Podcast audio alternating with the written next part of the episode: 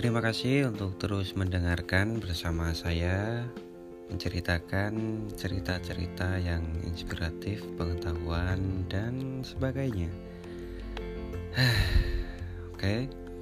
Untuk episode kali ini waktunya saya bahas tokoh ya, biografi. Ini waktunya saya bahas bi biografi dari tokoh perjuangan kemerdekaan Indonesia yang saya kagumi yaitu bernama lengkap Dr. Randes Haji Muhammad Hatta.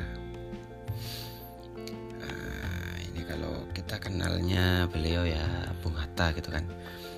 Bung Hatta semua tahu kalau Bung Hatta ini adalah wakil presiden pertama mendampingi Pak Soekarno jadi Bung Hatta ini lahir 12 Agustus tahun 1902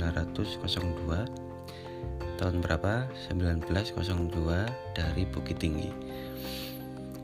Pada akhirnya wafat pada 14 Maret 1980 tahun 1980 di Jakarta. Di perjuangan beliau ini sudah tidak diragukan lagi kontribusinya untuk perjuangan negeri kita ini perjuangan bangsa Indonesia meraih kemerdekaannya. Meskipun kita tahu Bung Karno uh, Bung Karno sama Bung Hatta ini tidak sampai angkat senjata tapi kan kemerdekaan kan ya memang nggak nggak semua harus angkat senjata dong. Harus ada yang jalur diplomasi juga dong. Dan Bung Hatta ini benar-benar orang yang lihai di masalah ini. Julukan Bung Hatta adalah Raja Forum. Ya, karena pengetahuannya yang luar biasa, nggak ada yang pernah mengalahkan beliau ketika debat.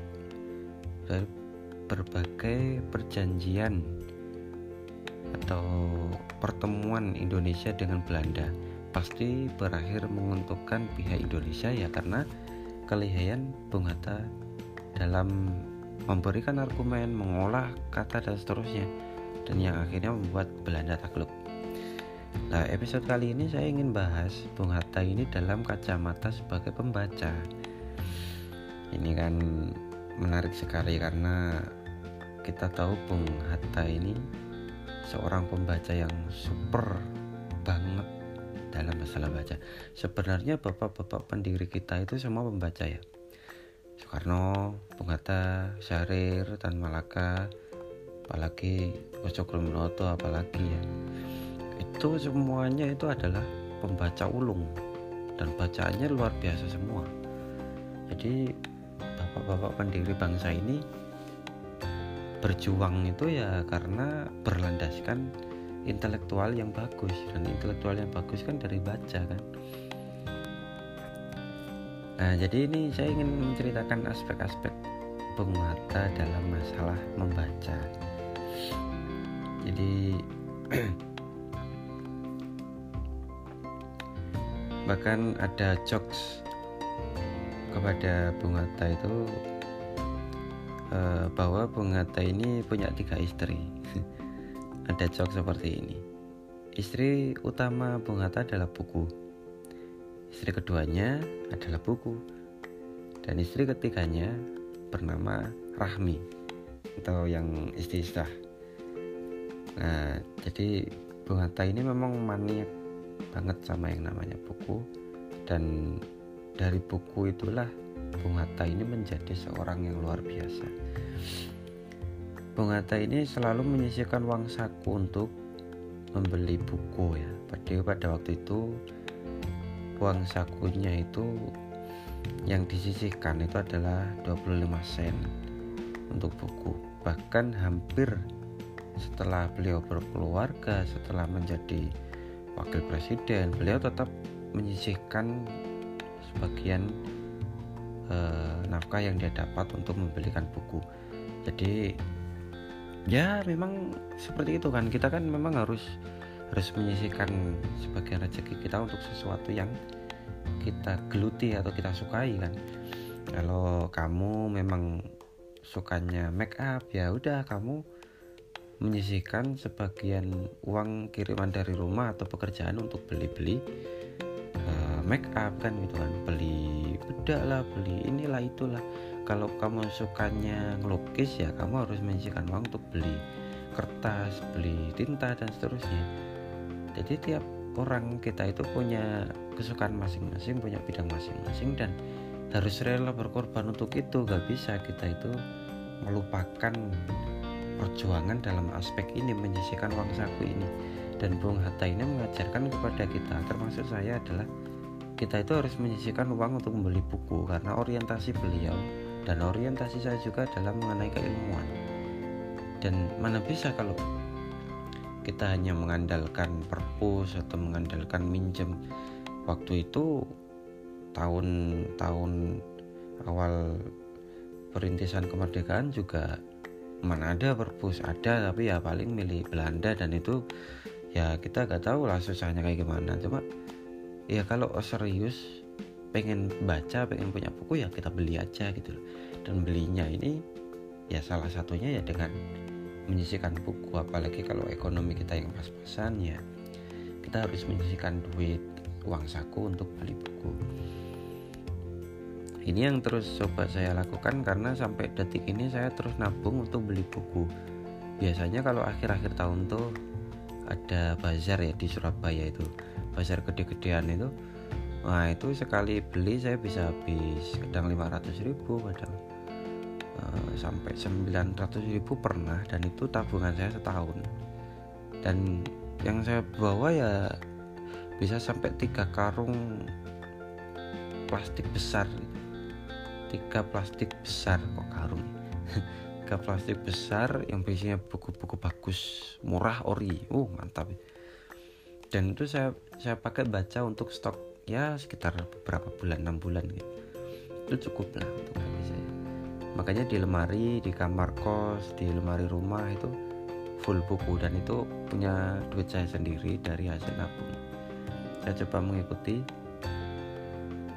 apa yang dilakukan oleh Bang apa bapak bangsa kita termasuk Bung Hatta.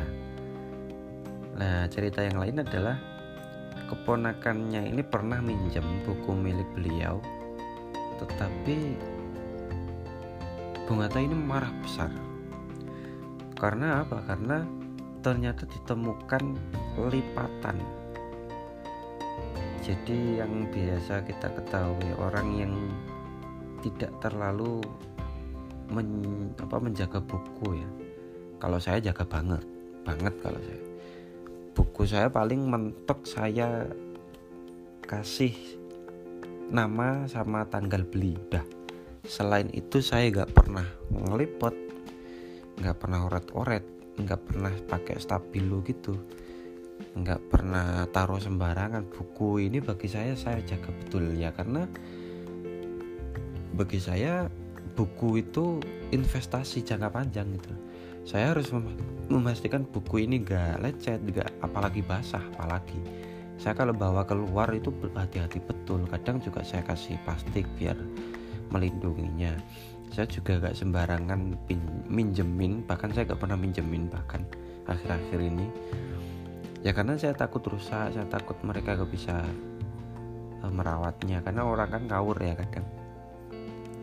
Saya berpikir buku ini harus dijaga betul supaya tetap awet dan bisa di uh, investasikan ke jangka panjang terutama nanti ke anak-anak saya. Dan Bung Hatta ini pernah marah besar kepada keponakannya karena ditemukan lipatan di pojok. Untuk mengingat halaman kan biasa ya kita melipat pojok untuk ya kita baca ulang gitu. Kita kita sampai ke mana itu semacam penanda gitu. Nah buku Bung Hatta ini bukan buku yang mudah didapat di Indonesia pada waktu itu. Makanya keponakan ini sampai puyeng karena muter-muter Jakarta itu gak, gak nemu. Ternyata buku ini hanya ada di Eropa gitu loh. Jadi keponakan ini udah udah benar-benar kapok dan Bungata ini pada akhirnya mengajarkan kepada keponakannya untuk menjaga buku gitu loh. Ini maksudnya bagus. Ya kalau kita sembarangan nggak dikasih edukasi seperti ini ya orang akan ngawur terus kan seperti itu kan jadi ya Bung Hatta ini benar-benar mengajarkan kita untuk benar-benar menjaganya. Nah yang menarik lagi adalah cerita mengenai 16 peti milik Bung Hatta berisi buku full bayangkan ya. Ini saya benar-benar gak bisa bayangin. Pada waktu itu Bung Hatta diasingkan oleh Belanda ya bersama teman-temannya. Teman-teman perjuangannya itu ya Sarir ya seterusnya. Itu Bung Hatta bawanya buku dan itu jumlahnya nggak main-main. Ada 16 peti berisi buku bayangkan. Jadi pada pada masa pengasingan itu ya ya kayak gitu Syahrir itu yang orangnya nggak bisa diem ya ekstrovert banget. Itu ya di pengasian ya kayak gitu. Ya ke sana kemari nyari ini nyari ini. Tapi Bung Hatta ini tenang diem baca buku terus habis baca tulis habis baca tulis. Gitu terus tenang. Kayak gitu kan orang introvert ya. Jadi bayangkan 16 peti. Jadi pada waktu uh, di, ini di, diasingkan yang di tempat yang bernama Banda Neira ya jadi pada habis diasingkan di Neira ini Bung Hatta ini akhirnya dijemput pakai pesawat kecil jenis Catalina. Milik Belanda pada waktu itu Indonesia belum punya belum belum anu. Milik Belanda itu. Nah 16 peti ini pada akhirnya nggak muat diangkut saking beratnya saking banyaknya. Saya nggak bisa ngitung ya 16 peti itu banyaknya berapa berapa buku tuh mungkin nyampe ratusan ribuan kayaknya saya nggak tahu. Ya nggak tahu tebel tipisnya buku kan beda-beda. Ya karena pesawat Catalina ini maksimal hanya bisa mengangkut 120 kilo gitu loh. Jadi ya akhirnya buku itu ditinggal untuk dijaga oleh uh, anak angkat Hatta yang bernama Des. Ya kayak gitulah. Jadi untuk Bung Hatta ini sendiri kesehariannya selain memperjuangkan kemerdekaan terus mengajak rakyat bawah untuk terus berjuang dan seterusnya Bung Hatta ini memiliki jam membaca khusus untuk baca yang dialokasikan dari 24 jam diambil 6 sampai 8 jam sehari untuk baca buku. Kamu saya tanya kita berapa menit? Ini tanyanya menit lo ya, menit. Coba jawab 5 menit. 30 menit itu udah bagus sih saya pikir untuk kalian. Kalau saya mentok mentok ya dalam arti gak berhenti mentok saya 5 jam mentok. Dan itu saya habis satu buku. Itu ya kalau nggak diganggu sama yang lain nggak diganggu kuliah nggak diganggu nugas nggak diganggu uh, makan dan seterusnya harus fokus itu saya mentok 5 jam. Ya paling hari libur itu bisa. Kalau Bungata 6 hingga 8 jam bayangkan 8 jam non-stop. Ya paling beliau ya berhenti untuk makan untuk kamar kecil untuk sholat paling begitulah kita paham lah. Cuma waktu yang selama itu bagi manusia normal saya pikir benar-benar waktu yang luar biasa. Dan itu beliau lakukan tiap hari. Dan bacaan ini juga dibagi kalau beliau mah jadi kalau sore itu baca buku yang ringan ya seperti fiksi roman dan seterusnya. Tapi kalau malam ini adalah buku yang berat. Buku sejarah buku pelajaran dan seterusnya. Jadi Bung Hatta ini bukan cuma maniak punya buku beli buku bawa buku ke mana-mana tapi juga dibaca. Dan bacanya saking luasnya juga seperti itu kan jadi Bung Hatta yang terus merawat buku itu merawat betul bahkan lipet aja beliau malah besar marahnya kebangetan banget karena saking posesifnya terhadap buku posesif yang positif dalam hal ini. Sampai sekarang koleksi Bung Hatta masih disimpan di perpustakaan rumah keluarga di Jakarta Pusat tepatnya di Jalan Diponegoro nomor 57 ya yang namanya buku ya uh, umur itu menentukan gitu kan kertasnya sampulnya itu akan berubah sesuai umur apa sesuai waktu gitu kan. Ada yang lapuk ada yang kena rayap ada yang gimana lah gimana lah. Memang susah kalau kalau buku memang susah. Makanya eh, kenapa kok banyak sekali manuskrip kuno kita itu disimpan di Leiden, di, disimpan di luar negeri. Itu ya karena perawatan manuskrip itu benar-benar mahal gitu loh. Kita kita juga dilema di sisi lain kita pengen peninggalan sejarah kita itu ada di negeri kita sendiri, tapi di sisi lain biaya mindahnya dari luar negeri ke kita itu juga mahal belum perawatan hariannya suhunya tempatnya itu benar-benar harus juga bisa harus dipersembarangan harus nggak bisa sembarangan gitu loh maksudnya. Harus diperhatikan betul karena kalau suhunya keliru tempatnya keliru gak tepat semua dia akan lapuk. Nah, itu kan. Itu masalah manuskrip dan ini buku ini juga lama kelamaan dia akan tambah lapuk tambah lapuk.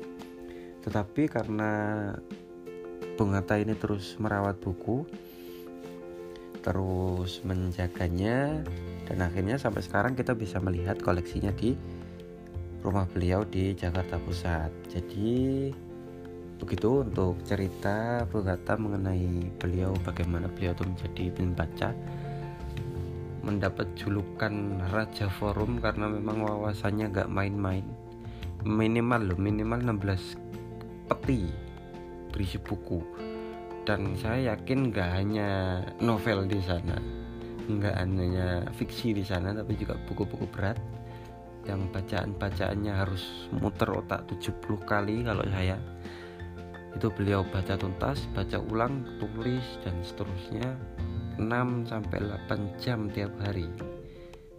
Semoga kita bisa mengikuti jejaknya, bisa membaca dengan intens, bisa berwawasan seluas beliau supaya ketika tampuk kepemimpinan negeri ini berubah dan waktunya kita naik kita bisa sehebat beliau. Karena sekali lagi seluruh bapak bangsa ini adalah pembaca ulung. Nanti lain waktu kita bisa bercerita bagaimana Soekarno ini membaca bagaimana Tan Malaka ini membaca bagaimana Syahrir ini membaca buku dan seterusnya. Saya pikir menarik untuk dibahas supaya kita bisa menyadari pentingnya membaca buku. Jadi seperti itu ya. Untuk episode kali ini cukup. Semoga kita bisa mengikuti jejak guru bangsa kita dan semoga ketika waktunya kita memimpin negeri ini kita bisa meneruskan apa yang dilimpahkan kepada kita selaku generasi penerus bangsa Indonesia. Terima kasih. Jangan lelah untuk terus belajar, jangan lelah untuk terus menimba ilmu, baik dari buku bacaan, baik dari masyarakat, baik dari luar kampus, dalam sekolah. Semuanya adalah buku dan semua adalah ilmu pengetahuan. Jangan capek untuk terus belajar, untuk terus mengenali dirimu sendiri, demi dirimu sendiri, dan demi orang yang kamu sayangi. Terima kasih. Sampai jumpa.